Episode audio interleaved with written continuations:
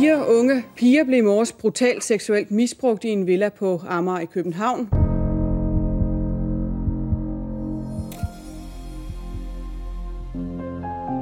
Dette er tredje og sidste afsnit i serien om Ammermanden. I de første to afsnit har vi hørt om efterforskningen af to drab og en række overfald og voldtægter. Sagen om Ammermanden er en sag, som mange af os kender lidt til, men de færreste kender alt til. Vi kommer tæt på eksperterne, der arbejdede med opklaring, sporsikring, de retsmedicinske undersøgelser og ikke mindst det lange retslige efterspil.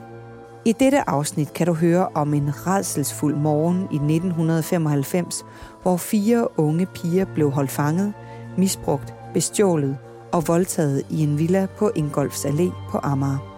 Du hører om de kriminaltekniske og retsmedicinske undersøgelser, som var med til at give et samlet billede af den mand, som havde begået voldsomme personfarlige forbrydelser i mindst 23 år. Til sidst skal du høre, hvordan det retslige efterspil var, da sagen kørte i Københavns Byret over 12 dage i slutningen af 2011. Om juridiske overvejelser, fremlæggelse af beviser og indicier og tre minutters vilje til at dræbe. Og bedst, som alle troede, at sagen var slut, fik en detalje det til at løbe koldt ned ad ryggen på efterforskerne. Til at fortælle om sagen i denne episode har jeg talt med tidligere drabschef ved Københavns Politi, Ove Dahl, kriminaltekniker Bent Hytholm Jensen, professor i retsmedicin Hans Peter Hågen og tidligere anklager Anne Begitte Styrup. Mit navn er Stine Bolter. Velkommen til podcasten Danske Drabsager, fortalt af de fagfolk, der har været helt tæt på. Som i et mareridt vågner den unge kvinde, da der står en fremmed mand ved hendes seng. Han presser hendes hoved ned i puden og væser, at hun skal tige stille. Hovedpudbetrækket får hun over hovedet, og med hænderne bundet på ryggen trækker han hende ned i kælderen. Her fortsætter mareridtet, da han ser de helt unge piger ligge og sove. En efter en giver han de skrækslagende piger hovedpudbetræk over hovederne og binder dem med tilfældige ting, han finder i kælderen. Læderstroppe fra en taske og et forklæde, nogle tørklæder, elastikbind og et chippetov, som han skærer i stykker. Flere gange hamrer han den store kokkekniv ned i et sofabord, og ingen er i tvivl om, at han vil gøre dem ondt, hvis de ikke makker ret. En efter en tager han dem med ind på et toilet, hvor han udnytter dem. De er blot 14, 15 og 23 år, og de glemmer det aldrig. I 2010 hed drabschefen i Københavns politi, Ovedal. Han stod i spidsen for efterforskning af sagen mod Ammermanden. Hurtigt stod det klart for efterforskerne, at der var tale om en serieforbryder, som i hvert fald havde slået to kvinder ihjel og overfaldet og voldtaget flere andre. Den sidste sag, der så kom til at spille en rolle i, i det her kompleks, det var en sag fra 1995. Det var en ualmindelig grov voldtægtssag. Vi kaldte den den, den firedobbelte voldtægt. Det var i efteråret, efterårsferien, oktober måned 1995, en villa ude på Amager, hvor en gerningsmand trænger ind igennem et kældervindue. Hvorvidt han vidste, at der var nogen, eller han kom kun for at berige sig, det ved vi ikke noget om, men men øh, han træffer på første sal, der ligger en kvinde og sover, og hun bliver vækket og får et hovedpudebetræk over hovedet, og bliver spurgt om der er andre i huset, og hun fortæller så, at der ligger tre piger, og sover nede i kælderen, et tvillingepar på 14 og en på 15, og hun bliver så ført derned, og, og de tre de bliver også vækket, og de, så, de får også alle tre hovedpudebetræk over hovedet, og han, han finder så en køkkenkniv i køkkenskuffen, så finder han nogle bindebånd, han skærer nogle, nogle hanke af nogle tasker og finder nogle tørklæder. Og så finder han også sådan et shippetov i reb, øh, som han skærer i nogle passende stykker. Og så bliver de alle fire bundet på hænder og fødder, og så ligger der og venter på deres øh, skæbne. Og han var hos dem i to og en halv time, og de blev alle fire seksuelt misbrugt. Og da han er færdig, så truer han dem til selvfølgelig ikke at fortælle politiet noget. De kan bare sige, at der har været indbrud. Han truer sig også til dankort og en pindkode og stjæler også nogle smykker fra den her lejlighed.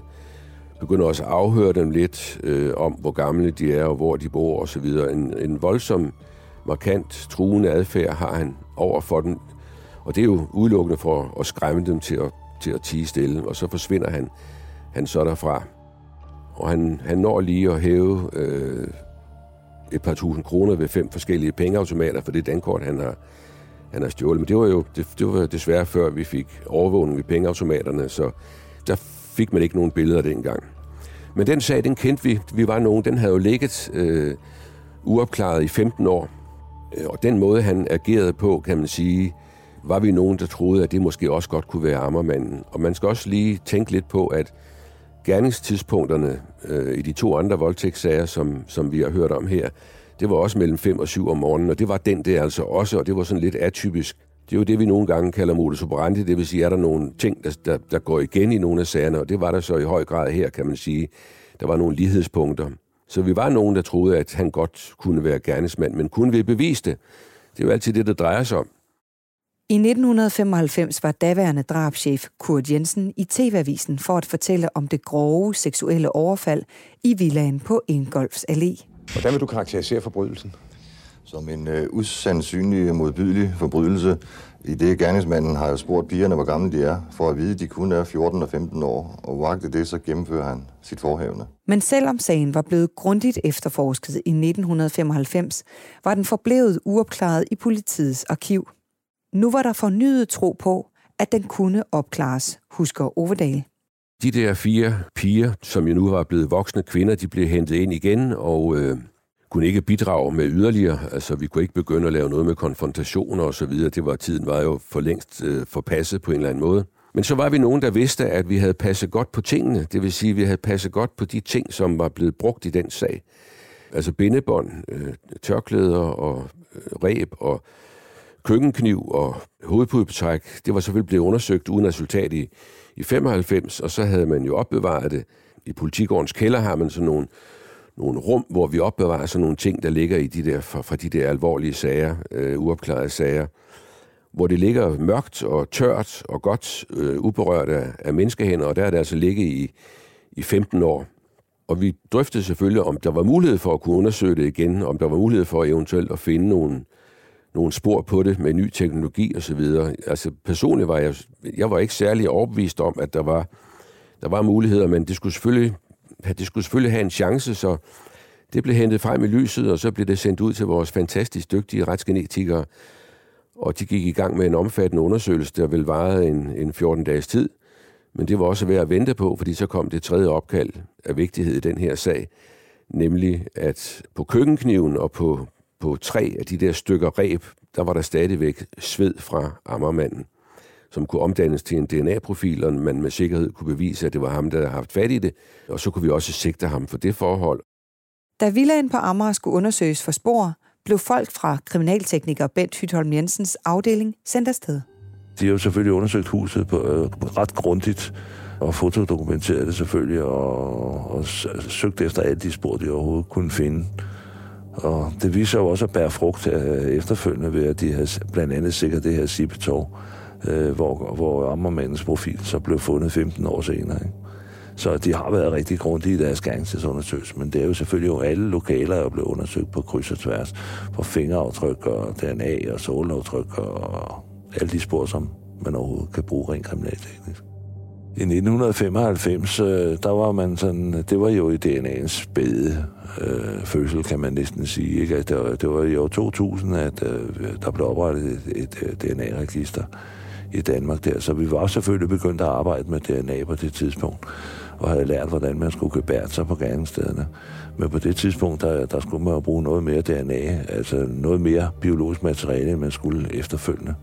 I dag, der er retsgenikere blevet rigtig, ja, det har de jo altid været, super dygtige, men, øh, men altså i dag, der kan de jo egentlig øh, lave DNA-profiler med meget lidt materiale, kan man sige, fordi de kan opformere øh, en ganske sparsom mængde af DNA sådan at det reproducerer sig selv, og så til sidst så har man en DNA-profil.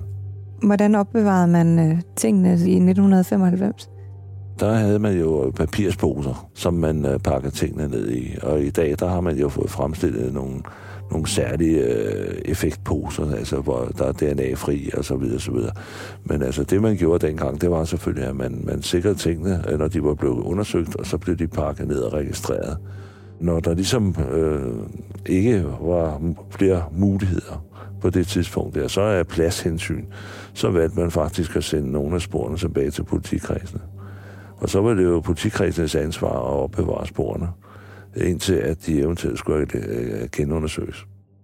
Kriminaltekniker Bent Hytholm Jensen har arbejdet med flere af de sager, som det senere har vist sig, at det var Ammermanden, som stod bag.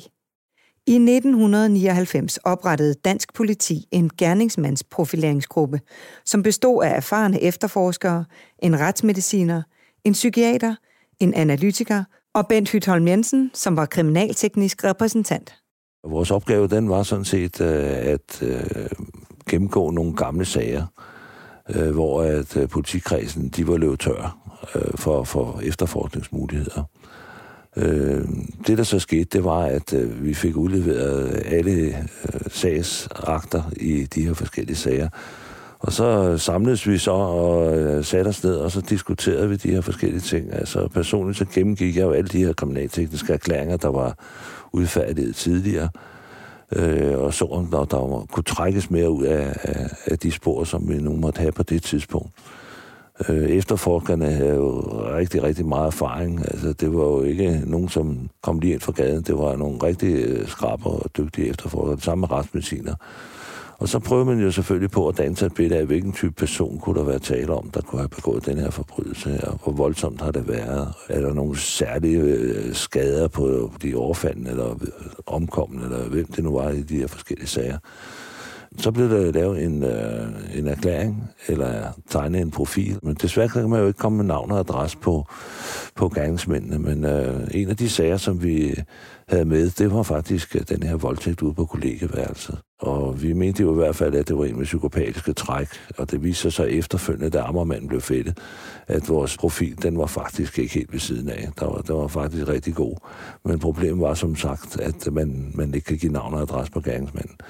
Samtidig som øh, vi undersøgte, eller vi profilerede den her sag på kollegabad, så profilerede vi også en anden sag på indgårdsallé øh, på, på Amager, ud for, for, for selve modus, altså den måde, det var foregået på der, så pegede vi faktisk på, at det kunne, så kunne godt være den samme gerningsmand. Altså, det var i hvert fald en, der havde nogen samme profil. Og det viser sig så efterfølgende, at det var heller ikke helt forkert. I klosterkælderen under Københavns politigård ligger den kokkekniv, gerningsmanden har troet de fire piger med. Den er et lukket rør, og i en anden pose med lynlåse ligger en del af et chippetog. Alt bliver sendt til undersøgelse, og så er der bare tilbage og vente. Tiden går, og håbet svinder. Fredag den 28. januar, cirka kvart over to om eftermiddagen, ringer drabschefens telefon. DNA'et på Chippetorvet er med en sikkerhed på mere end 1 til 1 million. Amagermandens. Gåsehud pipler frem på kroppen, og drabschefen tænker, vi har ham. Professor i retsmedicin Hans Peter Hågen og hans kollegaer på Retsmedicinsk Institut fik travlt, da de fire piger skulle undersøges. Man undersøger pigerne naturligvis enkeltvis. Øh, det foregår i dag på Rigshospitalet på øh, Center for øh, Seksuelle Overgreb. Og der foretages undersøgelsen af en retsmediciner, og der er en sygeplejerske til stede. Kvinden bliver forklaret, hvad der skal ske, og man øh, undersøger kvindens krop, hele kroppen, for at se efter, om der er tegn på vold. Altså, er der bidmærker? Er der hudafskrabninger? er det blåmærker. Og dette bliver dokumenteret, det bliver fotograferet, og det bliver tegnet ind på, på plancher. Der bliver øh, også taget prøver, og det vil sige, der bliver taget prøve med vatpind, typisk omkring munden, på brystet. Og hvis der er bidmærker, så bliver de udover, at de bliver fotograferet grundigt, så bliver det også taget prøve derfra med vatpind med henblik på om der kan påvises DNA. Og øh, det bliver foretaget en gynækologisk undersøgelse, og alt dette det er med henblik på øh, undersøgelse for sædceller og og typebestemme. Og det er jo typebestemme sædcellerne, men man skal også være klar over, at hvis der var en voldtægt, og det ikke er anvendt kondom, så vil man kunne påvise DNA fra gerningsmanden, selvom der ikke har været sædafgang, fordi der vil afsættes DNA fra hudceller på gerningsmandens penis inde i offerets vagina. Når kvinderne fortæller, at de har været bundet på hænderne med et tog, hvad kigger I så efter, når I undersøger dem? Som led i den grundige undersøgelse ser vi jo efter alle tegn på vold. Og hvis man har været bundet om håndledene, jamen så vil det meget tit være nogle mærker efter det, man er bundet med. Om der er en snor, om der som i det tilfælde er et sippetår, som vel også af en snor, så vil man kunne øh, se, om der er nogle mærker i huden, eventuelt små hudafskrabninger, oven i købe hudafskrabninger med et mønster, som der er på torvværket.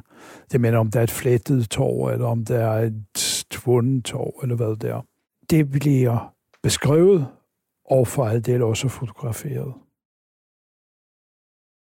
Jeg har hørt drabschef Ove Dahl fortælle om denne sag mange gange, og jeg bliver hver gang grebet af hans engagement. Han og hans medarbejdere vil ikke springe over, hvor gæret var lavest. Alle sten skulle vendes, og Ammermanden stilles til ansvar for alt, hvad han havde begået. Vi kiggede selvfølgelig også på, hvad vi, hvad vi ellers havde af uopklaret kvindedrab for den der periode 89-90, og vi har en 3-4 stykker i Københavns område, øh, som kunne være interessante. Men vi vidste også godt, at han ville ikke sige noget, så det kunne ikke hjælpe noget med at snakke med ham om det. Det, det galt om, det var at gøre et forsøg på eventuelt at finde nogle tekniske spor eller beviser herunder specielt DNA, hvis der skulle være noget, som kunne genundersøges, at vi måske kunne finde noget i, i nogle af de sager, der lå derfra fra 1990. Vi lagde mange kræfter i det, vi brugte meget tid på det, men vi kunne desværre ikke øh, finde noget, som vi kunne sige med sikkerhed kunne relatere sig til ham. Dermed siger jeg ikke, at om han har lavet andre alvorlige forbrydelser, det, er, det, det kan jeg jo hverken af- eller bekræfte, det ved jeg jo ikke. Efterforskningen i den her sag var tilfældigvis nok også færdig, øh, da jeg havde min, min sidste arbejdsdag, og den dag, hvor jeg skulle holde min afskedsreception om eftermiddagen, der havde jeg og vi et møde med, med statsorganen for København, som skulle køre sagen. Og der kunne vi aflevere tre flyttekasser med, med sagsmateriale, og så var det jo hendes og hendes personales opgave at, at føre sagen videre i retten. Den 2. november 2011 startede retssagen i Københavns Byret.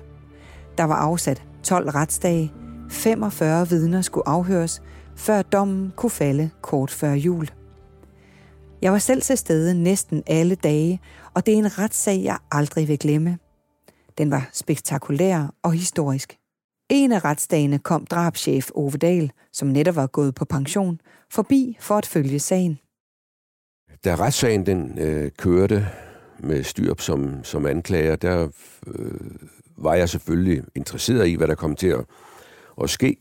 Og jeg gjorde faktisk det en enkelt dag, hvor jeg valgte at køre der ind, og så stillede jeg mig op udenfor, og så kom, så kom Styrp anklageren gående og sagde hej, og hej Ove, jeg skal nok finde en plads til dig, og, og så tog hun mig med op i retssalen, og jeg blev anvist en plads, og så gik der fire minutter, så kom, så kom hun igen og sagde, jeg er ked af det, Ove, men du er nødt til at gå, fordi retsformanden siger, der er ikke flere ledige pladser, og der kommer nogen, der skal have din plads. Så jeg, jeg læste slukket ned af, af bagtrappen igen og ud, så jeg oplevede ikke noget i, i retten, men, men fulgte selvfølgelig med interesseret i medierne i øvrigt.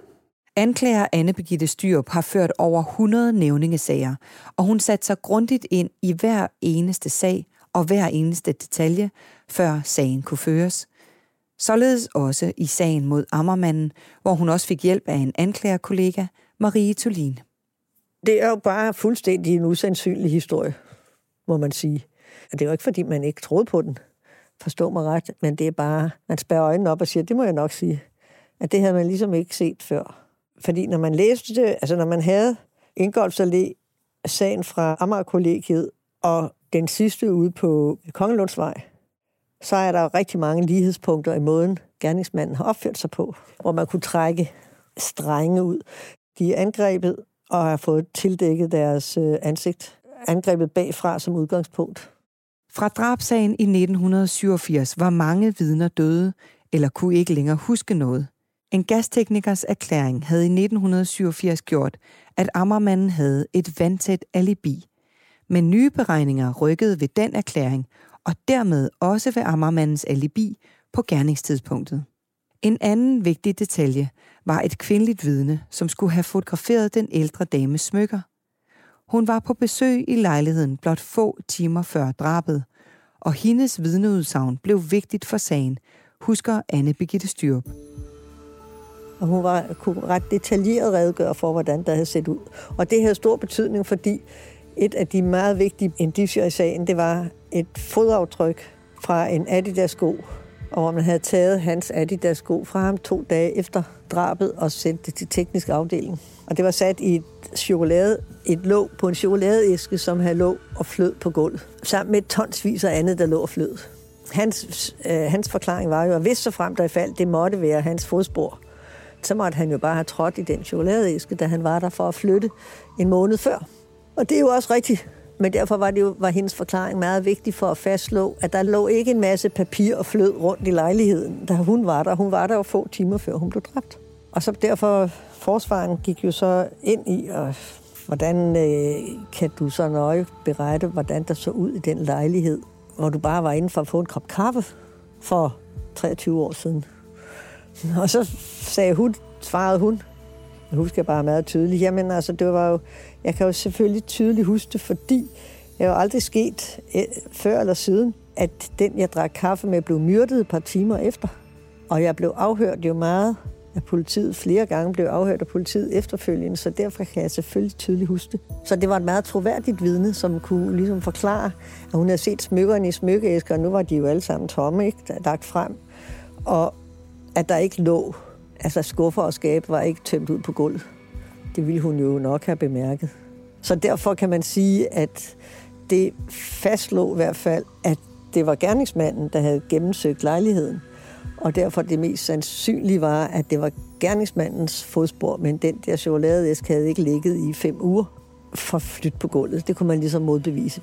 I løbet af efterforskningen fandt politiet ud af, at Ammermanden havde solgt nogle smykker fra den dræbte kvinde i Valby umiddelbart efter drabet. Den køber fandt de frem til, og anklager Anne Birgitte Styrup husker tydeligt mandens forklaring, som han også senere afgav i retten.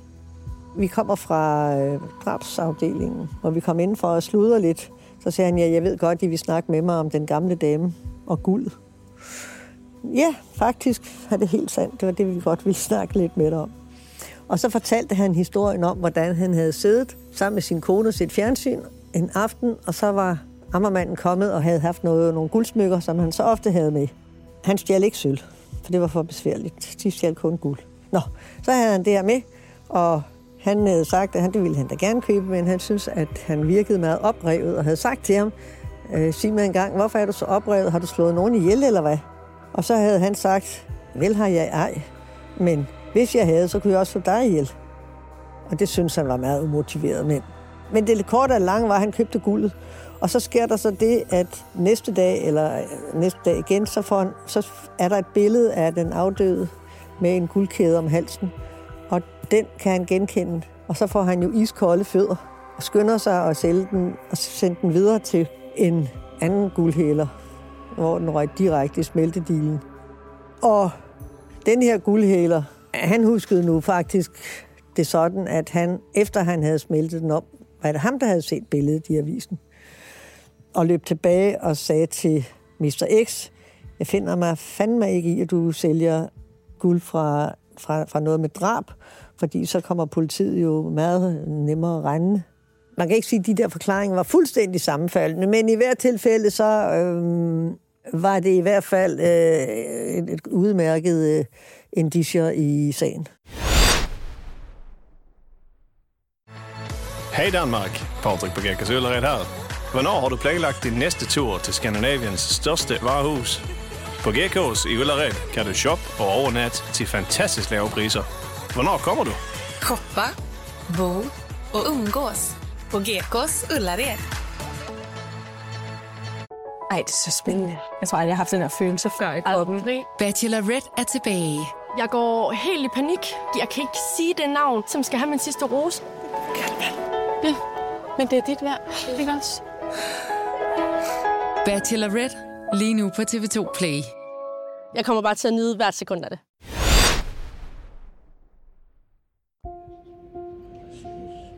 På den snodede trappe står nysgerrige borgere, pårørende og pressefolk, svedende i deres vinterfrakker og store støvler. Der er kø op mod anden sal, selvom der er et par timer til det, de alle venter på, skal starte. Interessen er enorm. Danskerne er ikke vant til serieforbrydere, som har hervet i tre årtier. I det anonymt udseende retslokale 36 er der faste pladser til de professionelle parter, pressefolk og pårørende. To mænd på 19 og 23 virker aggressive og hele tiden på stikkerne. De beskylder en journalist fra Berlingske Tidene for at tage billeder af ham, det hele drejer sig om. Manden fra Amager. De ligner begge to Amagermanden. Især den ene, som de sidder der i hættetrøje og med samme bit mund. Selvfølgelig gør de det. Manden er deres far. Da sagen startede, var det første gang, anklager Anne-Begitte Styrup mødte den nu 46-årige Ammermand. Det er nemlig ikke som i nogle amerikanske film sådan, at en anklager møder den tiltalte på forhånd.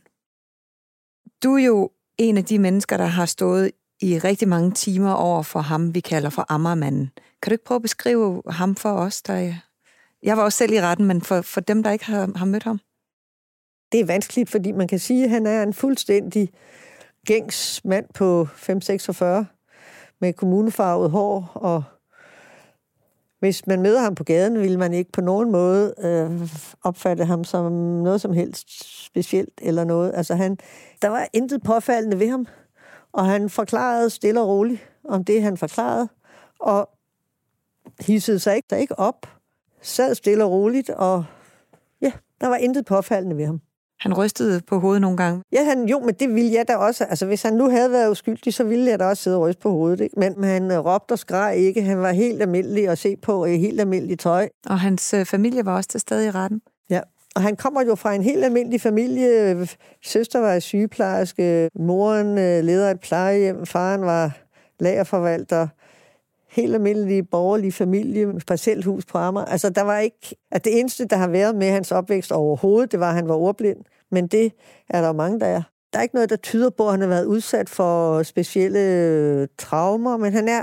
Så er der jo mange, der har fortalt, hvordan han så tægede sig i sin, ung, i sin ungdom. Altså, øh, men det er jeg så ikke sikker på, at hans familie vidste det mindst om. Det tror jeg ikke. Så man, der er ikke noget tegn, man vil kunne se på en, en fremtidig Amagermand, som man kunne lære af? Nej, det tror jeg faktisk ikke. Nej. Og derfor var det jo også, at da der var nogen, som afslørede, hvem han var i de allerførste dage efter anholdelsen, så var der jo en helt telefonstorm af folk fra hans bekendtskabskreds og hans øh, fodboldklub og alle mulige andre steder, som ringede til politiet og sagde, at det er en fuldstændig misforståelse. Det er helt hen i skoven, det er ikke ham. Glem det. Men det har du vel også oplevet i andre sager? Ja, ja, ja. Det har jeg da. Men det, jeg bare mener, er, at de forekom så langt ude, og det, man kan sige om ham, er, at han har jo for eksempel altid haft arbejde. Fast arbejde. Han havde det samme arbejde i overvis. Passede det. Og så er det jo også den der måde, han har kunne leve et dobbeltliv på. Altså, hvis vi, altså nu, hvis vi tager den, det aller sidste forhold på Kongelundsvej, det var jo ikke mere en måned gammel, da man fandt ud af, hvem det var. Og der havde han så den dag, der havde han så været ude hos nogle af sine venner og se vild med dans. Og så havde han øh, hentet et andet vennepar, da de var færdige, havde de siddet og hyggesnakket et stykke tid, så kørte han dem hjem. Og derefter så er det, at han tager ud og voldtager hende herude på Kongelundsvej. Og så kører han hjem, sover måske en time eller to, hvor efter han øh, kører en af sønderne til Slagelse, hvor han skulle spille kamp. Og så står han og hæpper. Blandt de 45 forskellige vidner var også ofrene for voldtægt og andre overgreb – Offret for voldtægten i Haveforeningen husker anklager Anne Begitte Styrup tydeligt. Alle voldtægtsoffer føler altid, at det er deres skyld på en eller anden måde. Jeg skulle lade være med at gå her, eller hvad det nu er. Og mange føler også, at de skulle have gjort mere modstand. Men fordi vi havde, fordi der var de to drab, så blev hun jo på en eller anden måde, tror jeg, styrket i, at, at det var nu meget godt, at jeg ikke gjorde det. Men kunne afgive en klar og tydelig forklaring om, hvad der var overgået hende. Og til en sådan forklaring, og det gælder jo også de andre voldtægtsagende piger, har forsvaren jo stort set ingen spørgsmål til dem, fordi Med mindre at de afviger meget fra, hvad de havde faktisk sagt i politirapport, så er det jo ikke der. Du kan ikke begynde at spørge ind til, øh, vil du gerne have sex med den gerningsmand, efter han har bundet hende og trukket noget ned over hovedet på hende, og sagt, jeg slår dig. Altså, jeg mener, det er jo ikke, der, de, de, de parter der, det, det, det er jo et overfaldsvoldtægt, så der er jo beviserne jo på en anden måde, ikke? Sagen om overgrebene på Ingolfs Allé i 1995 havde anklager Anne Begitte Styrups kollega Marie Tolin ansvaret for. Styrup husker især de nu voksne kvinders forklaring i retten, og jeg husker også tydeligt, hvordan alle offrenes forklaringer gjorde dybt indtryk på os alle i salen. Jeg sad jo bare og var tilhører. Det, der jo var ret interessant, det var jo, hvor detaljeret de kunne huske det. Og det undrer mig jo ikke, at den slags bliver mejslet ind og man får posttraumatisk stress senere, eller, men, men i hvert fald er det noget, hvor de, man kan lukke øjnene og se det for sig. Så du gen, genoplever det igen og igen og igen. Om det havde været bedre for dem, at man ikke havde fundet gerningsmanden, eller om det var godt at finde ham for, for dem og for kvinden på Amager-kollegiet. Fordi gør det det værre at få ribbet op i. Og jeg havde faktisk lejlighed til at snakke med to af pigerne, som jeg mødte på vej ud af retslokalet og vej ned ad trappen. Og så spurgte jeg dem, sig mig, hvad siger I? Er det værre det her, eller er det bedre for jer? Og de sagde begge to, at det var faktisk blevet bedre for dem. At det var bedre for dem, at det, det at få sat ansigt på gerningsmanden og få det hele op. Og så har jeg også hørt, at de har sagt, at dengang havde de alle sammen dårlig samvittighed over, at de ikke gjorde mere. For at forsvare sig øh, mens han var ude af lokalet med den ene pige, at de ikke gjorde noget, at de, at de var passive. Men de sagde jo, at de var så bange for, for han troede jo med at slå den pige ihjel, han gik med op på badeværelset. Og det troede de på. Og da de så senere, da de nu fandt ud af, at han faktisk var drabsmand, dobbeltdrabsmand ovenkøbet, så faldt den sten jo også fra deres hjerte. Ja, vi gjorde det rigtigt. Vi rettede os efter, hvad han sagde, for at undgå at blive dræbt eller han dræbte en af de andre. Også fordi det er jo noget, folk spørger om, hvad gjorde du så? Gjorde du ingenting? De var jo børn. 14 og 15, ikke? Altså, øh, og skræmt fra videre sand, så derfor er det jo meget naturligt alt sammen. Men jeg kan også godt forstå, at det har næret dem. Hvorfor gjorde vi ikke noget? Den ene kunne have sukket af ud af vinduet, mens de andre og så videre. Men han havde en kæmpe stor kniv, og de var blændet. Ville han slå en af de andre ihjel? Altså, jeg forstår det godt, at de ikke turde tage kampen op. Gør man noget særligt for at, at afhøre lidt mere skånsomt? Når det gør vi altid. Hvordan det? Forsøger at være så skånsomt som muligt. De her vil jo typisk gerne fortælle. Og derfor så sætter man dem i gang med fortællingen. Og så på et tidspunkt, når det bliver meget intimt, så er det jo virkelig, virkelig ubehageligt at begynde at tale om. Det, der er det frygtelige, er jo, at der er ingen, der har lyst til at... Man har ikke lyst til at komme med alle de detaljer over for fremmede mennesker, fordi de, øh, det er jo krænkende handlinger krænkende seksuelle handlinger. Men der er ingen vej udenom. Og det ved de godt. Altså, jeg har jo haft masser af voldtægtssager i, i gamle dage, før der var bistandsadvokater. Det var jo andre tider. Og det, der gjorde det så frygteligt, blandt andet var, at når så kvinden havde været inde og forklare sig, så sagde man tak, fordi du kom. Og så gik hun, og så kunne hun stå derude og ryste, uden at der var nogen, jeg skulle have næste viden ind, at jeg kunne ikke. Øh, der var ingen, der tog sig af hende. Jeg, jeg skal jo ikke snakke med vidner, men så prøv, jeg prøvede næsten altid at få efterforskeren til at ringe til hende og sige, jeg synes, kan du ikke en veninde, din mor, en søster, en du tager med, som kan komme ind og høre på din forklaring, og som du så kan holde i hånden både undervejs og bagefter. Jo, for du forestiller dig, at du kommer ind helt alene og fortæller, og du øh, genoplever det der største traume i dit liv, og så siger de tak, fordi du kom. Hvorefter du står derude helt alene. Det er helt forfærdeligt. Øh, og jeg, altså, mit hjerte blødte. Jeg kunne ikke tage det, men hvad kunne jeg gøre? Jeg havde andre opgaver. Det eneste, jeg kunne gøre, det var at prøve at få nogle af politifolk, som kendte hende, til at opfordre hende til at tage ind med. Kan du ikke forklare os, hvad vil det sige at være bistandsadvokat? Jo, men altså, så, så, så kom der lov om bistandsadvokater, hvor, fordi man jo indså, og det galt jo både voldtægter og vold, at der dels skulle være nogen, der kunne hjælpe med at få fremsat erstatningskrav, og dels nogen, der fik tilsendt sagens akter, og som kunne snakke med den pågældende om, hvad der hvad der ventede dem i retssalen, fordi det ofte var meget, er meget traumatisk, det der skal ske. Så det var erstatningskravet, men så også det der med, at de havde en eller anden, som de kunne snakke med. Og jeg ved for eksempel, at i den her sag, der var Helle Hall, som er en af de meget dygtige bistandsadvokater. Hun har mange voldtægtssager. Hvis folk er virkelig, virkelig rystet, så tager hun dem med hen og viser dem retslokalet. Det gør hun, øh, hvis, hvis, hvis, hvis hun tænker, hun her, hun er simpelthen for, for oprevet, for traumatiseret til, hun kan forklare. Så er i hvert fald ret, at de ved, hvordan der ser ud. Øh, og det var jo også det, politiet sagde i gamle dage, når der kom en kvinde ind midt om natten og anmeldte en voldtægt, når de så var færdige med at sikre sig spor og havde afhørt hende og skulle videre. Så det eneste, de kunne gøre, var at køre hende hjem. Så det var fantastisk, der kom først bistandsadvokat og så Center for Voldtægtsoffer, som gjorde, at øh, vi behøvede bekymre os. For der var jo både læger og psykologer, og de kunne få tale med advokat. Altså, der var nogen, der kunne tage hånd om det og hjælpe dem, både fysisk og psykisk. Fordi politiet skal jo for sagkomælder ud og efterforske, de skal jo ikke trøste. Altså, øh, det skal de, men de skal jo primært efterforske, så derfor var det fantastisk. Og det var jo, kan man sige, pres fra forskellige former for kvindegrupper.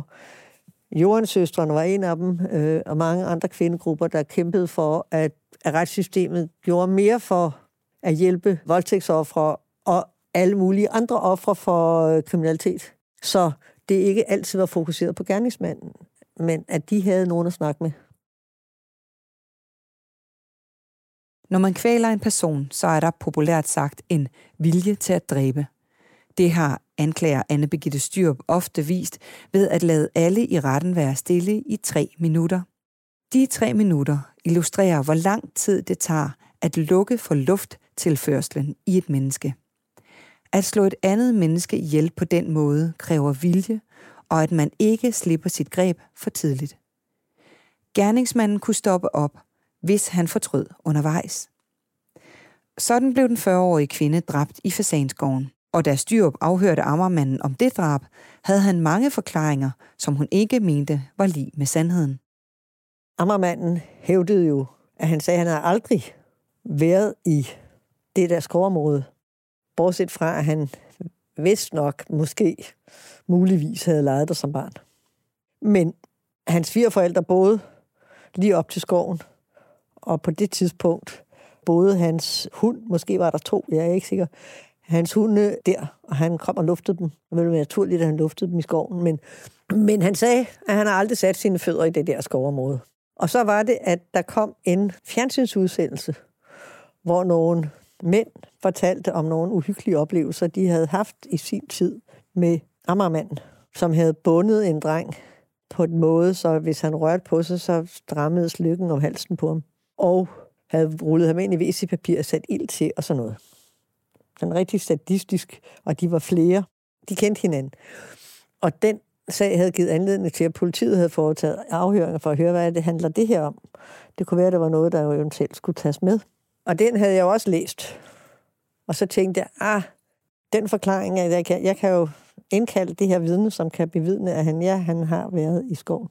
Forsvaren protesterede og sagde, at det kunne han altså ikke se. Og så jeg sagde, men altså, så længe han har forklaret, at han aldrig har sat sine fødder i skoven, og her kan jeg bevise, at det har han. Noget, der lå et par år før. Og det fik jeg selvfølgelig lov til, fordi det er jo en vigtig oplysning. Så vi havde jo ham der, ham der sagde, at han i hvert fald kendte skoven, og så ham, der havde set ham på cykel.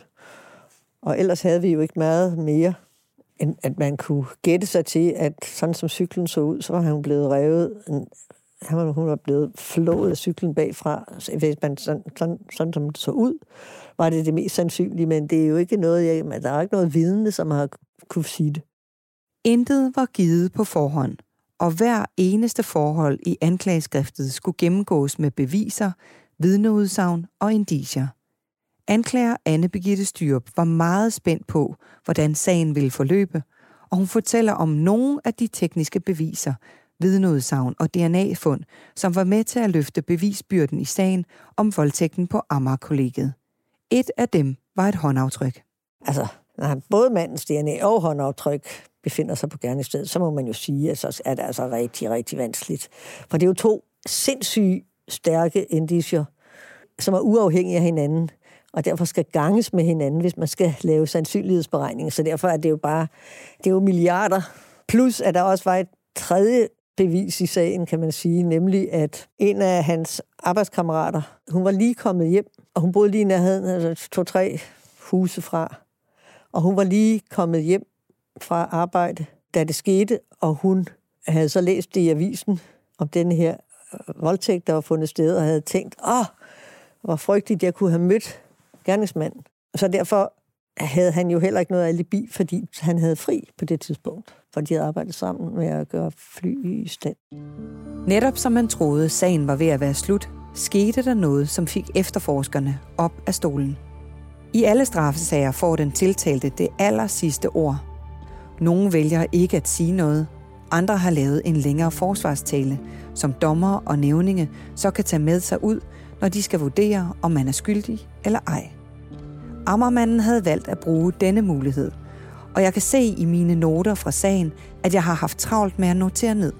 Han sagde blandt andet, jeg har svært ved at formulere det her uden at knække helt over. Det har været en rigtig hård tid at komme igennem det her. Jeg ved 100% sikkert, at jeg er uskyldig.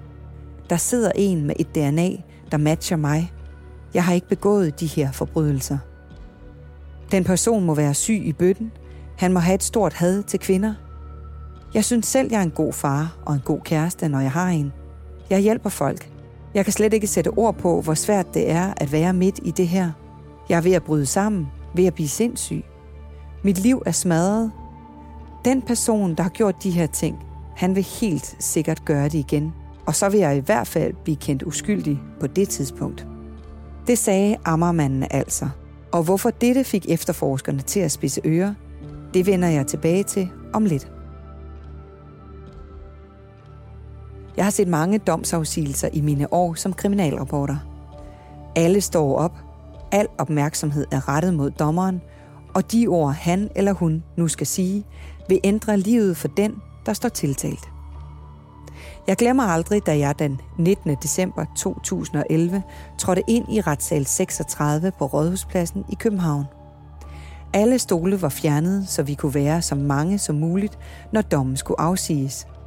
Jeg stillede mig ved siden af Line Holm fra Berlinske Tidene, og foran mig stod Janni Petersen fra TV2. Stemningen i lokalet var anspændt, sidrende, og jeg kan især huske de kvinder, som Ammermanden havde overfaldet og voldtaget. Den ene stod højgravid, og de holdt hinanden i hånden. Bag mig stod Ammermandens to sønner og noget andet familie. Vi havde haft de samme pladser under hele forløbet, men fordi der nu var så mange i lokalet, var der mange nye ansigter. Jeg var egentlig ikke i tvivl om udfaldet af dommen, men jeg fornemmede alligevel en usikkerhed blandt de pårørende og offrene. Ville han kunne blive dømt? Og hans familie, som nok håbede på det stik modsatte resultat. Der er ingen tvivl om, at der i sager som denne ingen vinder er. Den oprejsning, man som offer eller pårørende kan få ved, at en gerningsmand bliver idømt en stor straf, den kan aldrig hele det sår, han eller hun har påført en. Klokken 11 havde dommer og nævninge voteret, og dommeren læste dommen op, som alle landets medier fik lov til at bringe. 10 bestemmes tiltalte er i forhold 1 skyldig i manddrab og i røveri af særlig grov beskaffenhed. Er i forhold 2 skyldig i forsøg på brandstiftelse under sådanne omstændigheder, at han indså, at andres liv derved udsattes for overhængende fare. Er i forhold 3 skyldig i manddrab og i forsøg på voldtægt af særlig farlig karakter, samt i anden kønslig omgængelse en samleje af særlig farlig karakter. Er i forhold 4 skyldige i voldtægt og i anden kønslig omgængelse en samleje herunder med børn under 15 år under særligt skærpende omstændigheder, samt i røveri af særligt grov beskaffenhed. Er i forhold 5 skyldige i forsøg på voldtægt under særligt skærpende omstændigheder, og i anden kønslig omgængelse en samleje under særligt skærpende omstændigheder. Frifindes i forhold 6, og er i forhold 7 skyldige i voldtægt, og i anden kønslig omgængelse en samleje og i røveri. Værsgo at tage plads. I denne sag var der en helt enorm stor lettelse og glæde hos de mange ofre og deres pårørende, da dommeren seks gange gentog ordet skyldig.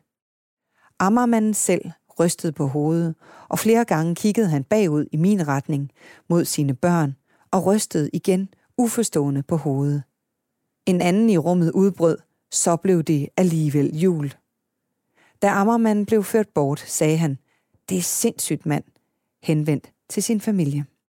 Da det her skyldsspørgsmål det skal øh, afgives den 19. december 2011, så bliver han kendt skyldig i seks ud af de syv forhold, der står i anklageskriftet. Hvordan var det at stå og, og, og høre, der blive sagt skyldig, skyldig? Jo, men altså selvfølgelig bliver, er man meget tilfreds, når retten mener det samme som det, man selv har ment. Det siger sig selv, at det er man tilfreds med, og jeg var også meget glad for, at, at han blev fundet skyldig, fordi jeg opfattede ham som meget, meget farlig. Og jeg var ikke i tvivl om, at han var skyldig. Det er selvfølgelig klart, at det var meget tilfredsstillende, at det endte sådan der. Også offret fra voldtægten i haveforeningen var lettet og glad. Det fortalte hun i TV2 et par år efter. Jamen, det var virkelig en lettelse. Der blev man virkelig glad. Også for alle de andre ofre, ikke, som har gået med det meget længere tid, end jeg havde. Så har skulle vente så længe på, at deres mand blev fældet. Altså, at de har kunne gå rundt med det så lang tid heller, det forstår jeg jo ikke. Men selvom Ammermanden nu var kendt skyldig, og det kun var strafudmålingen, der ventede, så skulle det vise sig, at sagen langt fra var helt slut endnu. For Ammermanden havde jo sagt i retten, at han mente, at der var en anden derude med den samme DNA som ham. Og den person måtte stå bag forbrydelserne. Hvad der skete herefter, fortæller anklager Anne Begitte Styrup. Så, så sker der så det, at øh, Frederik Sund får en opringning fra en oprevet ung kvinde, som siger, at hun har fundet nogle ting i sin kæreste, som var øh, søndens øh, lommer. Og hun har så ringet til sin far. Det var så faren, så formidlede kontakten til politiet, og hun turde ikke tage ind til politigården eller noget. Men de sendte så en patruljevogn til en resteplads, hvor de skulle mødes med hende. Og så tog de det, hun kom med, og lagde det direkte ned i en bevispose. Og så havde de ringet til drabsafdelingen på forhånd, og så kørte de ind og afleverede det. For det, hun forklarede, var, at det var nogle breve, som han havde skrevet til sin søn. Vedlagt sådan nogle små gummidutter med knude på. Det blev undersøgt både det ene og det andet, og skriftprøver og blokken og masser af tekniske beviser. Men i hvert tilfælde så fandt man ud af, at det var, at det viste sig, at det var hans sæd, der var i de små gummidutter, altså Ammermandens. Og de var sendt til sønnen med besked om, og det er han jo, det er, der, der var faldet dom i den sag, så derfor er det jo utvivlsomt, at det er sandt. Han blev dømt for at have forsøgt at få sønnen til at tage ud og overfalde en kvinde på Amager, som havde han skrevet, du behøver ikke slå hende ihjel, øh, men hun skulle have halt, hans, hans sæd hældt ud over sig. Det havde sønnen så ikke gjort. Men faren blev dømt. Altså, Ammermanden blev dømt for det. Da drabschef Ove Dahl var pensioneret, landede sagen om Ammermandens sædplan på hans efterfølger Jens Møller Jensens bord. Men Ove Dahl hørte også om sagen. Han forsøgte jo på en eller anden måde at skabe, eller i hvert fald det var hans forsøg på at skabe noget usikkerhed omkring DNA-profiler i det hele taget. For mig at se, er det jo sådan en eller anden naiv handling om, at han øh, troede, han på den måde kunne skabe tvivl om, om hele DNA-problematikken. Altså, han ville prøve på at sige, at der også var måske en ude i samfundet, som havde den samme DNA-profil som ham. Men vi fik jo aldrig svar på det, fordi den der søn var jo på det tidspunkt kæreste med en fornuftig øh, pige, og hun opdager det og ringer til Nordsjællands politi, øh, som rykker ud og finder både sæddutterne øh, og, og brevet, og det bliver afsløret, øh, så det kommer aldrig nogensinde til at, til, til at, at blive ført ud i livet.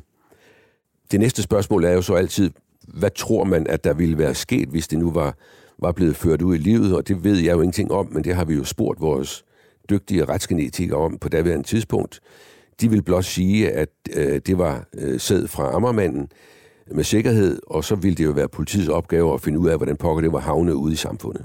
Hvad synes du om, han har gjort det? Jo, men altså, for det første øh, er, er han jo en mand, som, som jeg sagtens tør placere over i psykopatafdelingen. Psykopater har det jo sådan, de tænker kun på sig selv, og de er ligeglade med deres omgivelser, og i den her sammenhæng kan man sige, han skulle redde sig selv, men han ville så kaste et eller andet ud i samfundet. Det vil sige, at han ville få sin søn til at foretage sig noget, en eller anden strafbar handling, for at han kunne redde sin røv. Det er jo den der typiske psykopatiske indstilling, altså, men han tænker kun på sig selv og ikke på andre. Så han er i den kategori. Imens anklager Anne Birgitte Styrup så småt kunne se enden på den lange retssag, skete der noget alvorligt i hendes privatliv og med hendes ægtemand, Don. Den dag min ammermand blev kendt skyldig, det var min yngste søns 30-års fødselsdag. Og det altså, var selvfølgelig en mærkedag, og det var også, også helt fantastisk. Vi var inde, han havde lavet sådan et, et, et selskab, det var en mandag, inde, på, inde i sin lejlighed, hvor vi var med. Og, og det var selvfølgelig det var på den måde en meget, meget dejlig dag, kan man sige. Og min mand var, som jeg havde været gift med siden 68, han var selvfølgelig også med til Christoffers fødselsdag. Og han holdt sådan en sød tale til Christoffer, hvor og jeg havde snakket med ham om, at, at det er så vigtigt at sige det. Husk, at det er vigtigt at sige til dine sønner, at du er stolt af dem, og du elsker dem. For der er, verden er fyldt med mænd, som ikke bliver anerkendt af deres fædre. Så han havde holdt, og han havde også holdt en rigtig sød tale til Christoffer. Næste dag, det var så sidste gang, altså bortset fra, at han, han, han sov faktisk, da jeg gik næste morgen. Og jeg sagde, skal du, skal, vel, skal du ind på Borinstituttet? Ja, ja.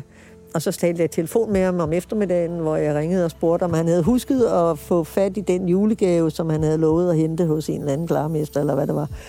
Øh, og det havde han glemt. Og jeg var bagefter så glad for, at jeg ikke blev rasen og sagde, ej, ved du hvad, for helvede mand, kan du ikke, øh, de få opgaver, du har fået, nu julen står for døren, kunne du ikke lige tage og løse dem?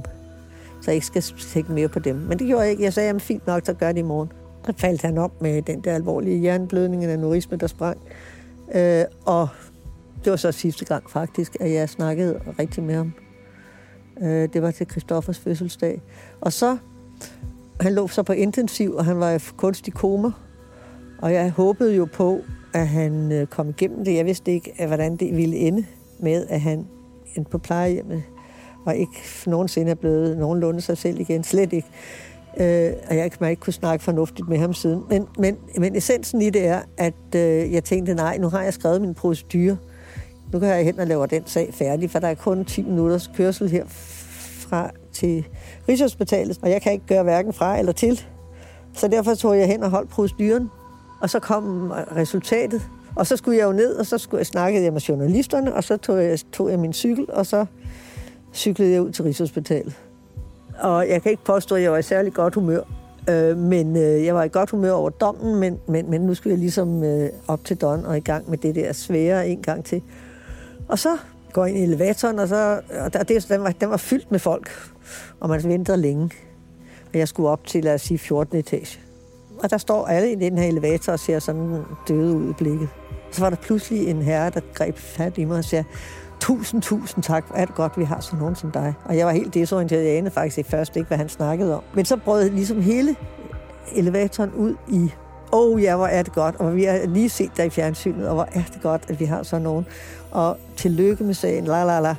Og så kørte de alle sammen med op til den etage, jeg skulle og gik ud med mig og spurgte, skulle vi ikke kunne ned og få en kop kaffe? Jeg vil gerne høre om sagen. Og det havde jeg jo selvfølgelig ikke stundet til.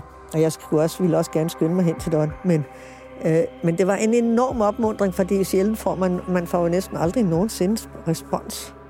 Så det der, det var faktisk øh, en helt sær oplevelse, som sad i kroppen på mig, og som var på en eller anden måde en meget stor opmundring.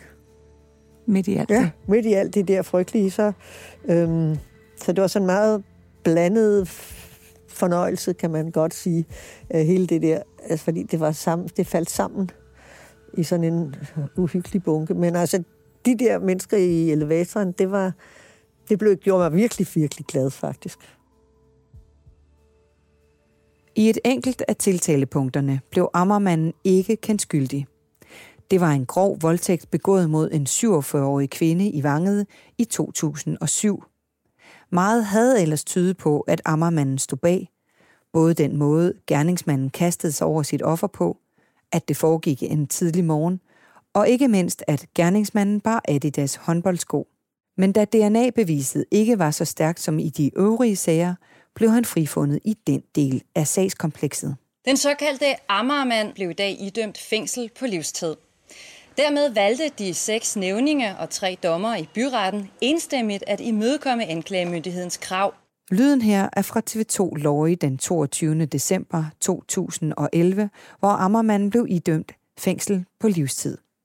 Det var også den straf, som anklager Anne Birgitte Styrup havde lagt op til. Livstid er livstid, med mindre man får lov til at blive øh, prøveudskrevet eller er benådet inden da. Men det er jo øh, en øh, afgørelse, som træffes af Justitsministeriet. I sidste ende kan man også indprøve, indprøve, få det prøvet ved domstolene, men øh, jeg vil tænke, altså når man har været aktiv kriminel så længe med så grove forbrydelser som 23 år, så tror jeg, man vil lige tænke så længe om. Så jeg tror, at 16 år, det tror jeg ikke på. Jeg tror, han skal blive meget ældre før man øh, vil ture. Det er ikke til at vide. Det er en samlet vurdering af den oprindelige sag, og hvordan han så har det nu. Men der er jo dem, der sidder i 30-35 år. Det er klart, at jeg har jo også set nogen, der er blevet løsladt meget tidligt, men det har jo for eksempel været en, ja, en, en, en sag med en mand, som øh, havde fået livstid, men øh, hvor han havde fået en alvorlig kræftsygdom, hvor han så blev overført til et plejehjem fordi altså, et fængsel er altså ikke øh, særlig egnet til at passe en døende mand. Så på den måde øh, er det svært at sige, for der er så få, der får livstid, at det, man kan ikke lave statistikker på det. Der er mange, der spekulerer i, om Ammermanden står bag andre sager end dem, der var blevet rejst tiltale for.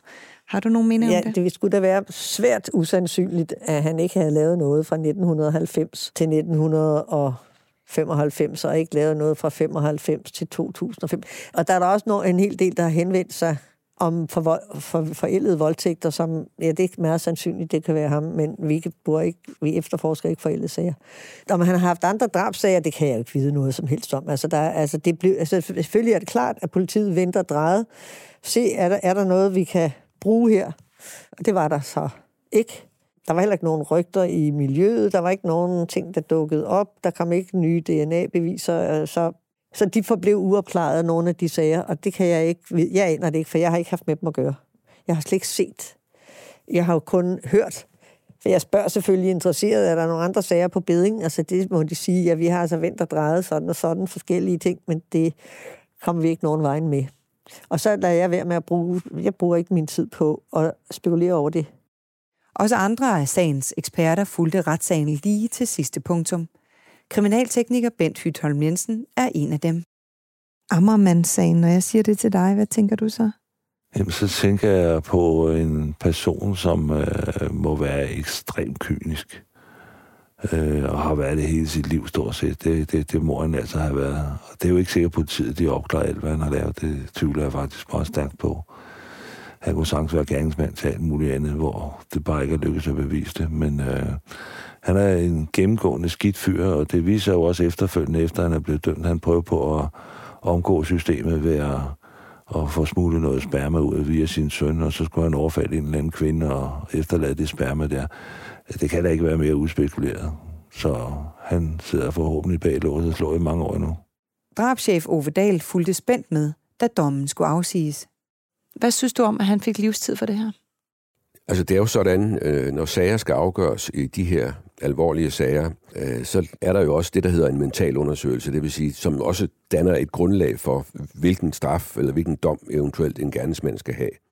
Så det vil sige, at Ammermanden har selvfølgelig også gennemgået en, en, en mental undersøgelse. Og der var, i den var der en, en konklusion, øh, så vi jeg husker den, at man måske nok anbefalede en, en eller anden form for noget forvaring, fordi han jo med alt det, han har gjort, så må man sige, at han var, han var virkelig stadigvæk en, en, en farlig mand. Men man valgte af nogle grunde, som jeg ikke rigtig ved sådan rent juridisk, men man valgte så at gå efter livstid, og det er også fint med mig, fordi det er stort set øh, i den her verden stort set det samme. Han skal jo han skal jo sidde i rigtig, rigtig, rigtig mange år. En mand, der har begået så alvorlig personfarlig kriminalitet over så lang tid, øh, bliver i hvert fald ikke lukket ud efter 12 år. Hvordan var det at følge den sag, som du havde haft så meget med at gøre med? Nå, men altså, for det første, så ville jeg bare gerne lige have haft et, et glemt af ham, øh, for ligesom at danne mig et indtryk af, hvordan han så ud. Jeg var jo ikke et øjeblik i tvivl om, at han ville blive dømt, og jeg var heller ikke i tvivl om, at han ville få livstid, fordi der var jo så skarpe tekniske beviser i alle sagerne, så der var jo ikke noget som helst at komme efter, så, så på den måde var det ikke, resultatet var ikke overraskende, det var jeg faktisk, jeg var rimelig sikker på, at, at sådan var det, men, men jeg har altså en, naturlig nysgerrighed havde jeg selvfølgelig alligevel.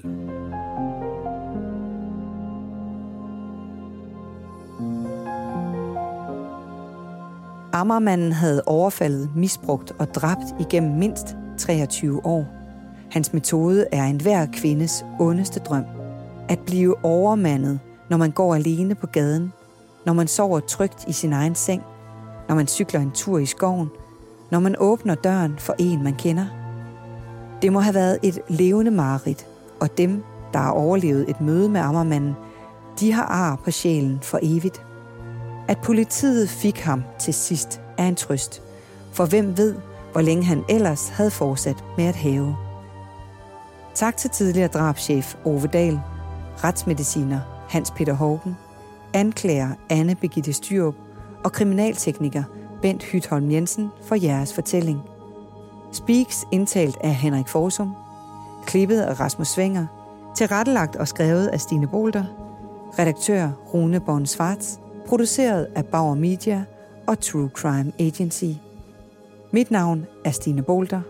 Tak fordi du lyttede med.